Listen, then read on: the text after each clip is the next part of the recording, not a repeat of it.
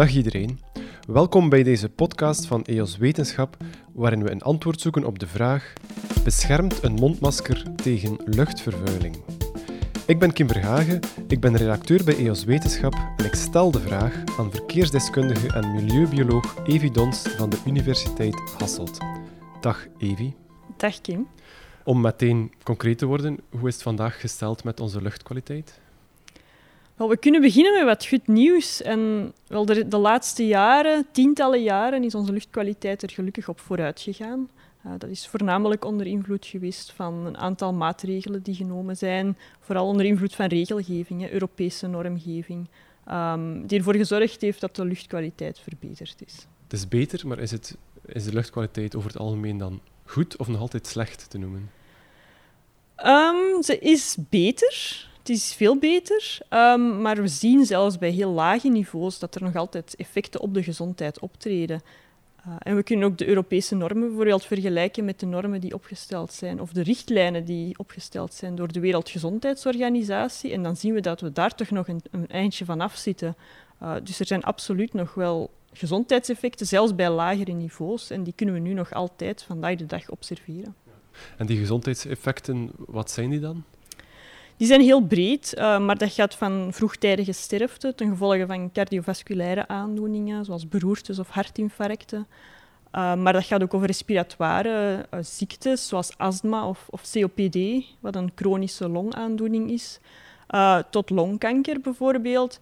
Uh, en we zien ook effecten bij de geboorte. Kinderen die geboren worden met een lager geboortegewicht. Uh, dat zijn toch allemaal wel heel belangrijke veranderingen in ons lichaam die optreden ten gevolge van die luchtvervuiling. Hoe maakt vuile lucht ons eigenlijk ziek? Hoe maakt het inademen van vervuilde lucht ons ziek? Mm -hmm. Ja, dus we gaan die luchtvervuiling inademen. Die komt in onze longen terecht. Uh, de allerkleinste deeltjes kunnen tot in onze longblaasjes komen. Uh, en daar kunnen ze in bloed opgenomen worden en van daaruit gaan ze doorheen het lichaam reizen uh, en kunnen ze al onze organen eigenlijk bereiken, tot aan de hersenen, uh, maar ook ja, longen, ja, allerlei soorten gezondheidseffecten. Ja, en die ingeademde deeltjes die dan in ons bloed terechtkomen, die zorgen dan voor schade op die, die plaatsen in ons lichaam? Ja, die kunnen bijvoorbeeld ontstekingen gaan veroorzaken of die gaan het uh, zenuwstelsel aantasten. Uh, dus op verschillende manieren gaan die, gaan die effecten veroorzaken. Waar kan je die gevolgen van luchtvervuiling plaatsen ten opzichte van andere problemen waarmee we kampen, gezondheidsproblemen?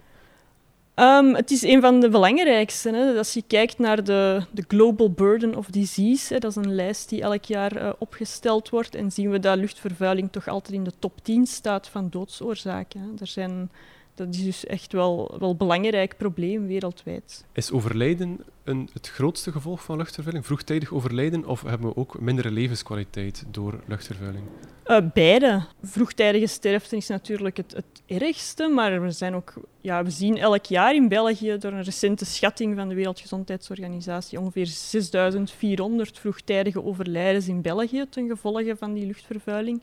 Maar er, zou ook, er zijn ook schattingen die zeggen dat wij, iedereen, elke Belg, gemiddeld één jaar gezond levensjaar verliest. Uh, waar dus, dus leven in ziekte eerder dan in gezonde staat. Dus, dus beide zijn eigenlijk belangrijk. Ja. Is de impact op kwetsbare groepen, zoals kinderen, is die groter? Die kwetsbare groepen zullen waarschijnlijk sneller zieker worden ten gevolge van luchtvervuiling. Of het kan ook zijn dat hun, hun bestaande aandoening gaat verergeren. Er zijn studies die bijvoorbeeld astma in kinderen kunnen linken aan, verergering daarvan, van hun symptomen ten gevolge van luchtvervuiling. Wij zelf doen, doen hier in het Limburgs geboortecohort onderzoek um, naar effecten bij de vroeggeboren of bij kinderen die, die net geboren zijn. En daar zien we bijvoorbeeld dat de blootstelling van de moeder tijdens de zwangerschap gelinkt kan worden aan een aantal veranderingen in het kind. Dus dat zijn echt wel ja, de meest kwetsbare personen in onze, in onze maatschappij, de pasgeboren kinderen. En ook daar zien we echt belangrijke effecten. We zien een lager geboortegewicht. Maar we zien bijvoorbeeld ook dat die pasgeboren baby's een iets hogere bloeddruk hebben ten gevolge van hun moeder die tijdens de zwangerschap is blootgesteld aan hogere concentraties. Leg je die link tussen luchtkwaliteit of luchtvervuiling en gezondheidsproblemen vooral door mensen langtijdig op te volgen? Of zijn er nog manieren om dat verband te onderzoeken? Ja, die epidemiologische studies, historisch hebben die dus wel voornamelijk gekeken naar sterfte. Een van de eerste was de Harvard Six Cities Study. Dus daar hebben we gekeken naar, naar zes steden in de Verenigde Staten. Uh, in elke stad werd de luchtkwaliteit gemeten. En in steden met de beste luchtkwaliteit was de levensverwachting ook het langste. In, steden met een slechte luchtkwaliteit was de levensverwachting korter. Dus op die manier zijn eigenlijk de eerste indicaties ontstaan van misschien heeft dat wel te maken met die luchtkwaliteit. In die studies wordt dan uiteraard ook rekening gehouden met andere factoren, zoals ja, de sociale klasse, um, zoals ook andere milieuproblemen in die stad of rookgedrag van inwoners. Maar dat zijn de eerste studies geweest. En dan ja, er zijn ook korte termijn effecten. Dat kan je bijvoorbeeld gaan kijken via tijdsreeksanalyse, waar je gaat kijken naar bijvoorbeeld doorheen een jaar, op dagen dat er een slechte luchtkwaliteit is, kan het zijn dat er op die dag misschien meer opnames zijn in ziekenhuizen met hartinfarcten. Uh, en dan kan je daar eigenlijk op die manier de link gaan leggen tussen luchtvervuiling en bepaalde gezondheidseffecten. Wie of wat zijn nu de grootste vervuilers van de lucht? In België zijn dat ja, de industrie, verkeer, ook huishoudens, voor, voor verwarming voornamelijk, eh, de landbouw. En dan zijn er nog een aantal natuurlijke bronnen. Dus fijnstof bijvoorbeeld van, um, van zeezout of van uh, woestijnzand dat tot hier waait. En van die bronnen kan je daar een rangschikking maken van de grootste vervuilers en de mindere, of is dat moeilijk? Oh, dat hangt voornamelijk af van de polluent die je gaat bekijken. Um, voor sommige polluenten zal dat de landbouw zijn, voor andere polluenten is dat duidelijk het verkeer. Um, voor anderen is dat de industrie. Dus dat hangt daar een beetje mee samen. Hoe wordt de luchtkwaliteit in Vlaanderen of in België, Europa, nu gemeten? Um, de Vlaamse Milieumaatschappij is in Vlaanderen verantwoordelijk voor het meten van de luchtkwaliteit. Uh, zij doen dat op een zestigtal meetstations die verspreid zijn over Vlaanderen. Nu, en zij hebben daar heel lange tijdsreeksen van, dus dat wordt jarenlang op die locatie gemeten. Uh, met een hoge tijdsresolutie, ook elk half uur is daar een, een, meting. Maar ja, dan zijn er uiteraard nog veel plaatsen waar niet gemeten wordt. Hè, maar daarvoor um, ontwikkelen ze dan luchtkwaliteitsmodellen, samen met dus de input van die metingen en dan ook andere data die zij daarvoor gebruiken, zoals emissieinventarissen, landgebruik, dus bijvoorbeeld waar zijn industriezones, waar, waar liggen de wegen. Uh, en met die factoren samen maken zij dan een gebiedsdekkende kaart van de luchtkwaliteit. En dan zijn er nog af en toe kortere meetcampagnes uh, verspreid over het land, zoals bijvoorbeeld recente curieuze neuzen gehad. Hebben die een grote meerwaarde ten opzichte van meetapparatuur? Ja, dat geeft ons soms toch wel extra informatie, hè, omdat die, ja, die metingen zijn maar op, of de, de originele metingen zijn maar op een beperkt aantal plaatsen, voornamelijk omdat die apparatuur heel duur is en, en dat niet mogelijk is om dat meer plaatsen te doen. Modellen geven ons wel dat beeld, maar modellen zijn natuurlijk computermodellen met veel onzekerheden. Dus die tijdelijke campagnes kunnen wel echt een, een beter zicht geven, kunnen ook gebruikt worden om die modellen te gaan verbeteren en, en de kwaliteit daarvan na te gaan. Dus die geven echt wel een extra informatie. En uw onderzoek meet u ook heel persoonlijk of heel lokaal de luchtkwaliteit? Ja, persoonlijke blootstelling is, is nog iets apart, hè, want eigenlijk ja, is iets heel complex en je kan dat niet echt vergelijken met buitenlucht. Hè. We spenderen ongeveer 90% van onze tijd binnen. Um, dus dat is al een groot verschil, maar we zijn ook in transport. We, zijn misschien, we verplaatsen ons met de fiets in op een drukke baan. S'avonds steken we misschien ons houtvuur aan. Uh, dus er zijn heel veel factoren die die persoonlijke blootstelling gaan beïnvloeden. En daarom doen we inderdaad ook onderzoek met persoonlijke toestellen of kleine toestelletjes die mensen kunnen meedragen gedurende een hele dag of gedurende een hele week. En ja, dat geeft ons dan heel veel informatie over waar, zijn, waar worden mensen blootgesteld en wat zijn de belangrijkste bijdragers aan die persoonlijke blootstelling. Ja. Je hebt zo'n toestel meegebracht. Kan je dat even demonstreren misschien? Ja, dit is een toestelletje dat uh, black carbon meet, uh, of de roetdeeltjes. Uh, ja, ik kan het eventjes aansteken. Um, dus dat is een toesteltje dat maakt een klein beetje lawaai, omdat er een pompje in zit. En dat pompje gaat eigenlijk de lucht aanzuigen uh, over een filtertje. Ja, dus nu hoor je het pompje opstarten.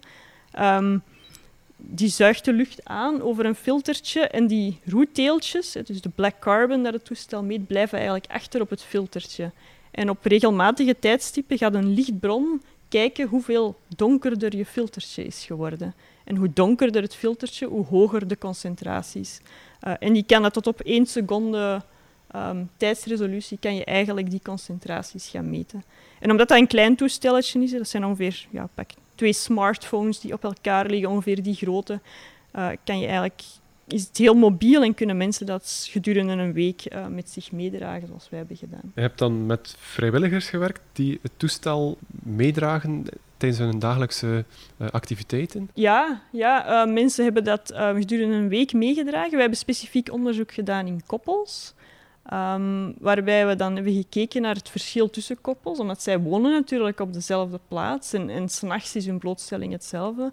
Maar het feit dat zij verplaatsingen maken doorheen de dag en, en acht uur per dag op hun werk doorbrengen, is hun blootstelling anders. En we hebben gezien dat toch wel tot 30% verschil kan zijn tussen partners uh, op basis van blootstelling.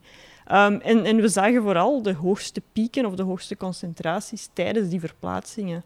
Omdat we natuurlijk eh, black carbon, die roetdeeltjes meten, die net van verkeer afkomstig zijn. Dus wanneer mensen nabij verkeer zijn, zien we echt hoge concentraties van dat roet. Als je tussen die partners vergelijkt, wat kon je daar vooral uit afleiden? Als, als de ene bijvoorbeeld met de wagen gaat en de andere met de fiets, was dat een heel groot verschil? Mm, het is meer de, de duur van die verplaatsing dan die van invloed is. We zien ook wel verschillen tussen uh, vervoermiddelen, uh, maar daar hangt ook wel samen met het tijdstip van die verplaatsing. Uh, of je bijvoorbeeld met de fiets is het heel belangrijk of je op de weg zit of je zit er een, een aantal meter naast. Of je gebruikt een, rustige route, een, een, specifiek fietspad of een, een fietssnelweg om, om te fietsen. Zien we dat die concentraties plots heel erg dalen. In de auto zou je denken, ik zit misschien in een kokon en dit zijn, ik ga daar lage concentraties meten, maar ook dat is niet het geval, want we zien dat die concentraties eigenlijk, of dat die, die deeltjes gewoon binnenkomen. De grote deeltjes worden wel gefilterd, maar de kleinere deeltjes komen gewoon binnen en, en ja, die kunnen daar ook opbouwen zelfs, als je een hele tijd in de file staat bijvoorbeeld. Heb je ook mensen getest die met de trein naar het werk gingen? Ja, ja, en de trein zijn eigenlijk de, hebben de laagste concentraties gemeten. Dus mensen die met de trein gaan, zijn het beste af wat betreft die blootstelling aan die roetdeeltjes. En zie je een verschil tussen platteland en stad? Uh, is het beter op het platteland? Instinctief zou je zeggen ja, uiteraard. Hè, omdat de, de, concentraties zijn daar lager. Als je de luchtkwaliteitskaarten bekijkt, zie je ook daar de, de groene zones, de blauwe zones, wat dan lage concentraties zijn. Uh, maar we hebben daar recent onderzoek op gedaan uh, op basis van de curieuze neuzen data.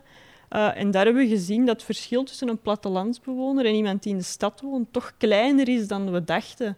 En dat is net omdat die, stel je verhuist naar het platteland van de stad, um, dan ga je toch vaak nog werken in de stad.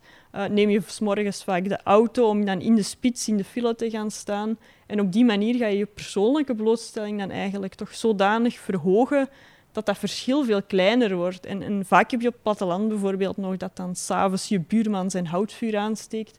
Ja, en dan is het verschil eigenlijk veel kleiner dan dat je instinctief zou, zou denken. Maar een van de belangrijke dingen die je hieruit kan leren is wel dat het, de verplaatsing, dat je daar het meest wordt blootgesteld aan luchtvervuiling, is thuiswerken of dicht bij het werk gaan wonen dan eigenlijk de oplossing om te ontsnappen aan vervuilde lucht?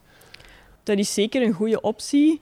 Uh, anderzijds zien we mensen die dan in de stad wonen. Stel je woning is op een, op een locatie met een heel hoge concentratie. Voor jou is het dan wel voordelig natuurlijk om doorheen de dag ja, toch te verplaatsen naar een plaats met iets betere luchtkwaliteit.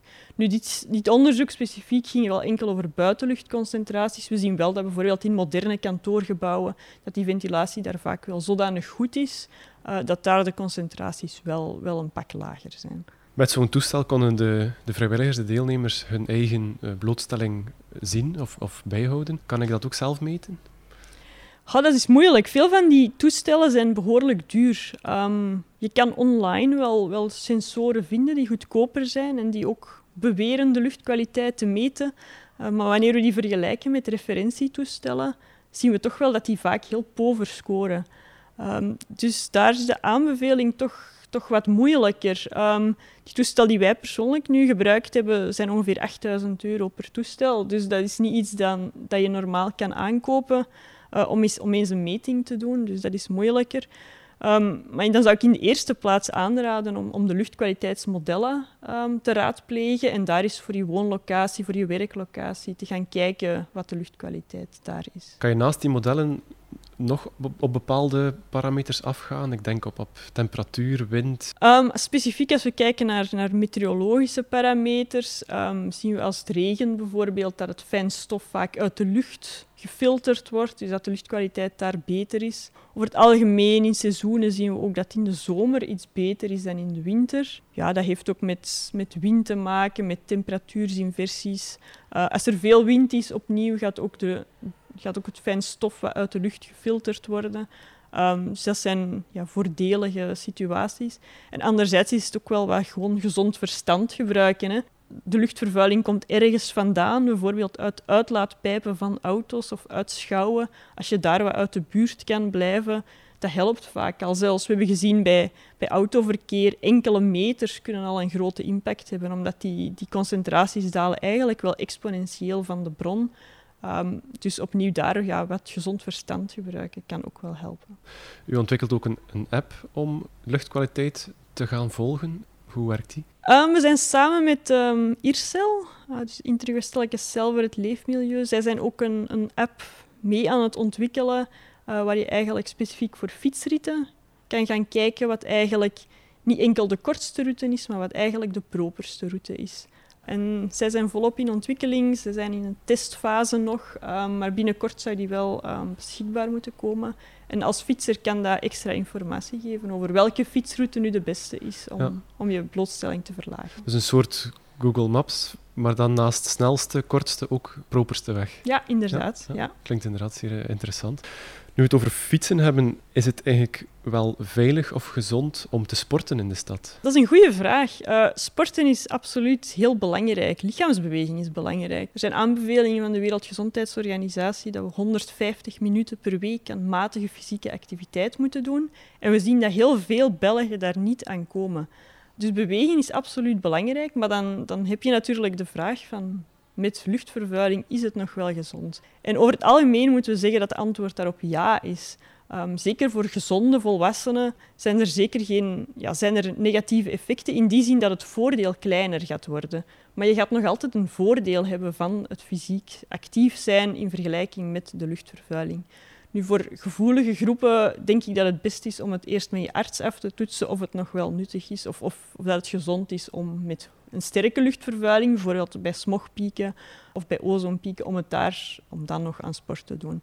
Uh, maar voor de algemene bevolking is het absoluut nuttig en noodzakelijk uh, om actief te zijn. Je kan daarbij dus wel wat maatregelen nemen van als je de mogelijkheid hebt om in een park te gaan lopen, dan is het wel bij voorkeur in het park gaan lopen en niet langs die drukke weg. Ook gewoon omdat het dan het gezondheidsvoordeel gaat groter zijn. Hoe kunnen we onszelf nog beschermen tegen luchtvervuiling? Stel, ik ga met de fiets uh, naar mijn werk door de stad.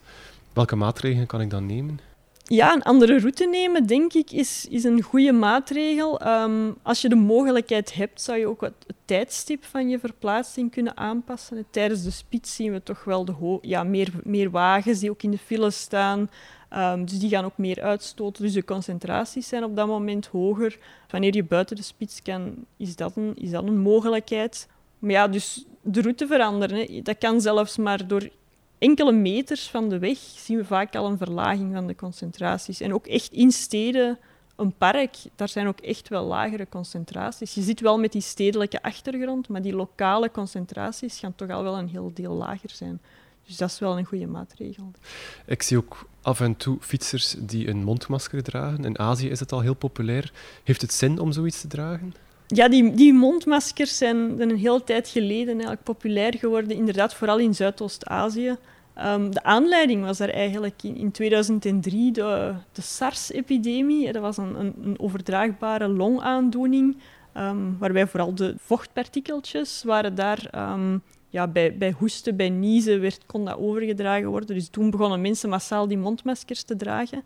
Uh, maar na afloop zijn, zijn, die eigenlijk blijven, zijn mensen die blijven dragen, en dan specifiek tegen luchtvervuiling daar, zijn die effectief? Wel, daar zijn wel twee factoren die daarbij belangrijk zijn. En dat is enerzijds het materiaal van uw, van uw mondmasker en anderzijds is de pasvorm op het gezicht van die mondmaskers. Als we naar de eerste factor kijken, het materiaal, lijkt over het algemeen relatief goed te beschermen tegen voornamelijk de iets grotere deeltjes. Maar de pasvorm is, is een groter probleem. We zien daar vooral uh, bijvoorbeeld bij kinderen of bij mensen met, met een baard, dat dat sowieso eigenlijk bijna onmogelijk is om, om goed af te sluiten tegen de buitenlucht. Ja, en als er kieren zitten naast je masker, dan kan de lucht uiteraard gewoon tot bij je mond komen.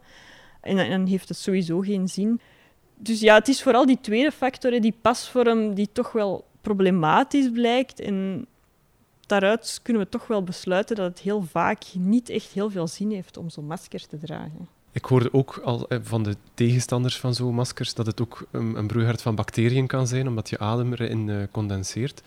Waardoor het eigenlijk zelfs slechter is voor de gezondheid om zo'n masker te dragen? Ja, comfortabel is het in ieder geval alleszins niet. Bacteriën, waarschijnlijk bij, bij veelvuldig gebruik of wanneer je het niet, niet op een goede manier gebruikt, um, kan dat wel komen. We hebben ook gezien dat er bijvoorbeeld er zou kunnen CO2 opstapelen, waardoor je je wat slaperig meer gaat voelen. Ook bij eten, bij drinken, bij praten moet je soms het masker afdoen, waardoor opnieuw het effect eigenlijk beïnvloed wordt. Wanneer het buiten regent, dan wordt het misschien vochtig en ook dat kan opnieuw de, de effectiviteit van het materiaal verlagen. Uh, dus er zijn wel heel wat nadelen aan en, en, we hebben eigenlijk niet echt een zicht van hoe dat in de praktijk dan werkt. Ook die maskers zijn oorspronkelijk ook ontwikkeld voor professioneel gebruik. Die mensen worden daar vaak opgeleid hoe ze die maskers moeten gebruiken, terwijl gewone mensen, wanneer ze dat gaan opzetten, eigenlijk niet echt goed weten hoe vaak het vervangen moet worden, uh, hoe het goed op het gezicht kan aanpassen. En dan, ja, ten laatste natuurlijk ook uh, mensen denken dat ze beschermd zijn, waardoor ze misschien ook meer tijd gaan doorbrengen op een locatie met een slechte luchtkwaliteit. En het, het net het risico nog veel groter wordt op, op, het adem, op het hoger blootgesteld zijn. Dus het is absoluut niet aan te raden. Bent u eigenlijk voorstander van zo'n mondmaskers? Persoonlijk heb ik daar toch wel sterk mijn vragen bij. Er zijn toch wel een heel aantal ook ethische aspecten die daarbij belangrijk zijn. We leggen, bij mondmaskers leg je eigenlijk de verantwoordelijkheid voor propere lucht bij de, bij de individuen zelf, terwijl er mensen zijn die niet de mogelijkheden hebben om zichzelf te beschermen en daarom denk ik dat we als maatschappij die mondmaskers toch niet uh, moeten gaan stimuleren en moeten we toch echt gaan inzetten op het properder maken van de lucht, eerder dan individuen die zichzelf gaan moeten beschermen. Nu hebben we het vooral gehad over manieren om ons te beschermen tegen luchtvervuiling. Nog beter zou natuurlijk zijn om die luchtkwaliteit te verbeteren. Wat kunnen we daar doen? Ja, dat is absoluut inderdaad de enigste duurzame manier om, om blootstelling te verlagen. Dat is niet mensen gaan verplichten een masker te dragen en zichzelf te beschermen. Uh, maar we moeten eigenlijk ervoor zorgen dat, ja, dat die emissies gewoon, dat er, geen, of dat er minder emissies, minder uitgestoten wordt en die deeltjes gewoon niet in de lucht terechtkomen. Regelgeving is in het verleden gebleken dat dat absoluut wel nuttig kan zijn, maar ik denk dat we daar nog ambitieuzer in moeten zijn in naar de toekomst toe. We halen de Europese normen net, maar de Europese normen zijn nog een stuk hoger voor de meeste polluenten dan de normen van de Wereldgezondheidsorganisatie. Dus we moeten daar naartoe gaan, daar naartoe werken. En op dat moment is, is het eigenlijk de politiek die daar meer ambitie moet tonen. En intussen tijd kunnen we zelf wat proberen onze eigen blootstelling te verlagen, maar, maar het is een in-in verhaal. Hè. Dus het is niet dat iedereen daar nu enkel zijn probleem uh, moet zelf gaan oplossen. Zou het zinvol zijn om bijvoorbeeld tijdens de uren waarop kinderen naar school fietsen, om dan het autoverkeer te beperken? Ja, nou, bij scholen zou je dat wel kunnen doen. Um, dat gaat zeker ook helpen en dan gaat de blootstelling van die kinderen wel verlagen. In het verleden heb je de, de roetfilters gehad, bijvoorbeeld. Dat is ook wel een, dat is een manier om, om dat ook te verminderen. We moeten ook kijken misschien naar manieren om het verkeer hè, sowieso te verminderen. Niet enkel op schooluren of nabij school, hè, door dat gewoon anders te gaan organiseren. Wat is het effect van groen, van bomen, gras, andere planten? Natuur in de stad heeft heel veel voordelen. Hè. Naast, naast het positieve effect op luchtkwaliteit kan hebben, die blaadjes kunnen wel fijn stof uit de lucht filteren in beperkte mate, maar het kan ook het hitte-eiland-effect tegenwerken. Hè. In de zomer op heel hete dagen zien we in de stad vaak een hogere temperatuur. Wanneer daar meer groen meer bomen staan, gaat, kan die temperatuur wat verlaagd worden. En groen heeft ook een positieve impact op de mentale gezondheid van mensen. Uh, dus groen heeft absoluut heel veel voordelen. Er zijn enkele configuraties met misschien overhangende bomen in smalle straten die ervoor kunnen zorgen dat fijnstof wat blijft hangen en daardoor de concentraties een klein beetje gaan verhogen opnieuw. Dus daar moet wel aandacht aan besteed worden. Maar over het algemeen is, is groen in de stad zeker een heel goed idee. Is het ook nuttig om de maximumsnelheid bijvoorbeeld op autosnelwegen te verlagen? Ja, een aantal jaar geleden is het eigenlijk al ingevoerd. Op momenten dat er smogalarm is, dat er op een heel aantal snelwegen maximumsnelheid van 90 km per uur geldt. Um, studies hebben daar uitgewezen dat dat effectief wel, wel een interessante maatregel is. Vooral dan om lokaal de lucht, luchtkwaliteit te verbeteren. En dan vooral als we kijken naar bijvoorbeeld die roetdeeltjes die veel, veel uitgestoten worden door verkeer, zien we daar toch wel significante dalingen tot, tot wel 30 procent.